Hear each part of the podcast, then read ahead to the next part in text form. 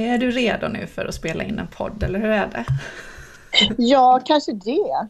Ja.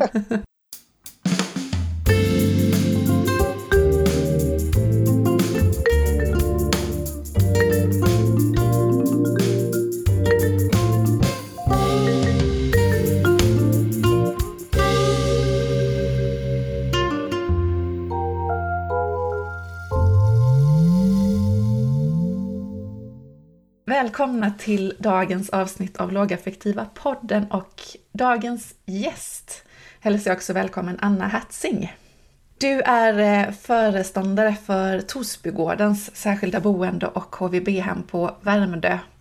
Eh, och jag fick kontakt med dig Anna utifrån min fråga om goda implementeringar av lågaffektivt bemötande, så det ska du få berätta mer om i det här avsnittet. Mm. Först som sagt, välkommen hit och berätta lite mer om dig själv. Hej, tack. Ja, jag eh, jobbar ju på Torsbygårdens HVB och särskilda boende som föreståndare och jag har ju jobbat där sedan 2009 i den rollen. Eh, på, på vårt boende har vi personer med eh, svåra beteenden. Vi har ganska få platser, vi har sex, sju platser sådär. Eh, och jag har jobbat inom psykiatrin i 30 år ungefär. Tidigare har det varit missbruk och lite dubbeldiagnoser, psykos och neuropsykiatriska funktionsnedsättningar också. Så det är det som jag har med mig. Mm. Vad innebär det att bo där på Torsbygården då? Ja, men de som bor hos oss har ju svåra beteenden som sagt och klarar sig inte, klarar inte livet själva. Alltså ADL, det dagliga som händer eller att möta människor utanför i samhället eller att ha struktur på sin dag, att eh, få i sig mat när, när, man ska eller att det är, eh, hamnar i kaos ofta. Mm. Vi tar boende från hela landet och eh, vi blir uppringda ofta och vi har ett rykte verkar det som att, att vi tar emot personer med svåra beteenden och det är vi bra på, mm. har det visat sig. Eh, vi jobbar ju lågaffektivt, det är det som är själva motorn nu. Det är det som hjälper oss och hjälper boende framför allt att ha någon sorts kontroll i kaoset. Ja, vad roligt ja. att höra. Mm, ja, så är det. Jag fick ju kontakt med dig utifrån den här efterfrågan som jag hade gällande goda implementeringsexempel.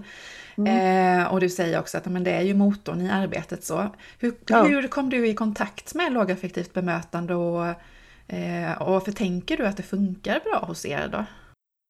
Jo, men vi, vi började salutogent. När jag började på den här tjänsten så började vi salutogent. Jag hade det med mig och tänkte att det där är så viktigt. Människor kan påverka sina liv och ha en mening och, och så. Och det är viktigt med respekt.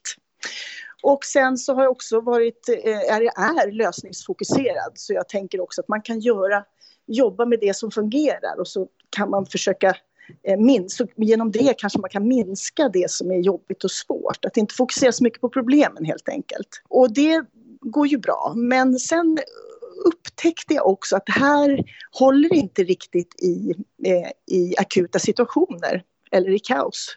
Utan här måste vi ha något, eh, någon metod som gör att vi kan hjälpa till mycket bättre i de situationerna. Och då så hade jag hört talas om Bo Helskov så då googlade jag lite och hittade föreläsningar och sådär och tänkte att det här är ju precis det som vi söker. Precis det som jag tror kan hjälpa. Och jag tänkte att det här är, är, är vi provar helt enkelt. Vi hade pratat mycket om etik och bemötande, mycket bemötande. Och jag tänkte att eh, vi tar, jag tar med mig det här till gruppen och ser vad de tänker. En föreläsning med Bo Hellskog som vi lyssnade på. Och eh, delar av gruppen tyckte det var jättebra, andra tyckte att nah, det där, vad ska hålla på med det, det där är ju bara något nytt.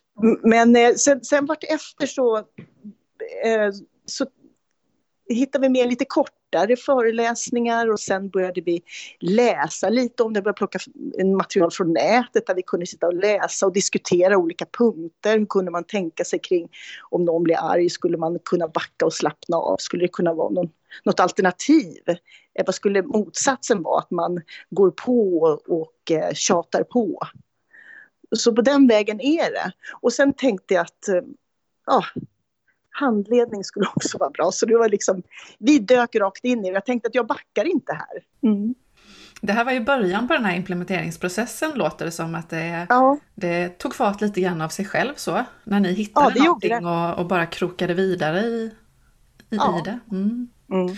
Finns det delar i Eh, du, du, har berättat om att det var föreläsningar och ni tog till er eh, litteratur själva på egen hand och sen så eh, handledning också uppe på det.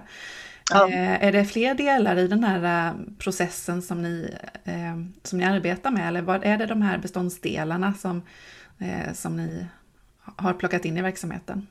Ja, vi använder ju också den här boken som eh, Heltsikov har skrivit med någon mer. Nu kommer jag inte ihåg vad den heter. Mm. Jag kan gissa att det är Hantera, utvärdera, förändra Precis. tillsammans den, med Anna. Sjölund. Ja, och den har ju vi som en studiecirkel kan man säga. Så att eh, är det så att vi inte, varje möte, varje gång vi ses, APT eller boendekonferenser, så pratar vi lågaffektivt. Och, och liksom, hur kan vi tänka olika situationer som har varit, hur skulle vi kunna göra annorlunda och vad var bra? Och sen så kan vi också ta, så betar vi av lite i boken, som ett kapitel eller några sidor beror på tid. Och så har vi en stund av reflektion efteråt och diskuterar hur det passar in hos oss. Och det har gett mycket, mycket, mycket förståelse för boendes eh, dilemman som de hamnar i. Att eh, man inte kan kontrollera när man är en person som har de svårigheterna. Att man inte kan kontrollera sig själv. Att det inte är för att vara elak utan att det är för att man har svårt och har inget annan, ingen annan lösning helt enkelt. Mm. Så mycket sånt har vi pratat om. Mm. Finns det mm. delar i det arbetet som, eh, när du blickar tillbaka, så som du kan se att det här det här hade vi inte kunnat vara utan och det här måste vi hålla fast vid. Eh, det, det, låter som att de här reflektionsstunderna är en sån, en sån viktig del. Är det någonting mera som du tänker, det här, det här var lite avgörande i vårt arbete? Avgörande är alltihopa tillsammans tror jag och sen också, eh, jag tror mycket ligger hos mig också att motivera och inte släppa. Att vi håller i mm. det hela tiden och påminna hela tiden. Men eh, avgörande är eh, Eh, handledningen är enormt viktig. Och, men också den här, att de här stunderna av reflektion, de är ju jätteviktiga också, för då håller vi hela tiden det här levande, att vi inte tappar bort oss och glömmer bort. Och, och varje gång man misslyckas gör man, men varje gång man gör det, att man inte heller kritiserar eller dömer varandra utan istället backar upp varandra och diskuterar hur kunde man ha gjort annorlunda, vad kan man tänka på nästa gång? Alltså vad var det som var svårt för en boende? Vad, vad var det han inte kunde den gången. Mm. Finns det delar som du tänker att ja, vi skulle gjort på ett lite annorlunda sätt? Är det någonting som, om du skulle rekommendera någon annan eh, påbörjat implementeringsarbete så, vad, är det något som du skulle justera där? Eh, nej, det skulle jag inte säga. För jag tror att det måste ta, det måste ta tid och man må, det måste, eh, personal måste känna lust och nyfikenhet tror jag att det är jätteviktigt. Mm. Jag tänker att du liksom jag har stött på lite missförstånd kanske kring lågaffektivt bemötande så på den här eh, implementeringsresan och mm. så. Eh, vad tänker du om eh, missförstånd som dyker upp? Eh, eh, något speciellt missförstånd som du är van vid att möta nu vid det här laget? Och mm. Tankar kring det? Mm. Ett missförstånd som är, återkommer det är förståelsen för att det inte att kaos inte uppstår för att vara elak. Mm, att det inte är med för, mening, ja. Mm. Ja, precis. Utan att det är att man, att man behöver förstå att det är för att man inte har en annan strategi för, för just då.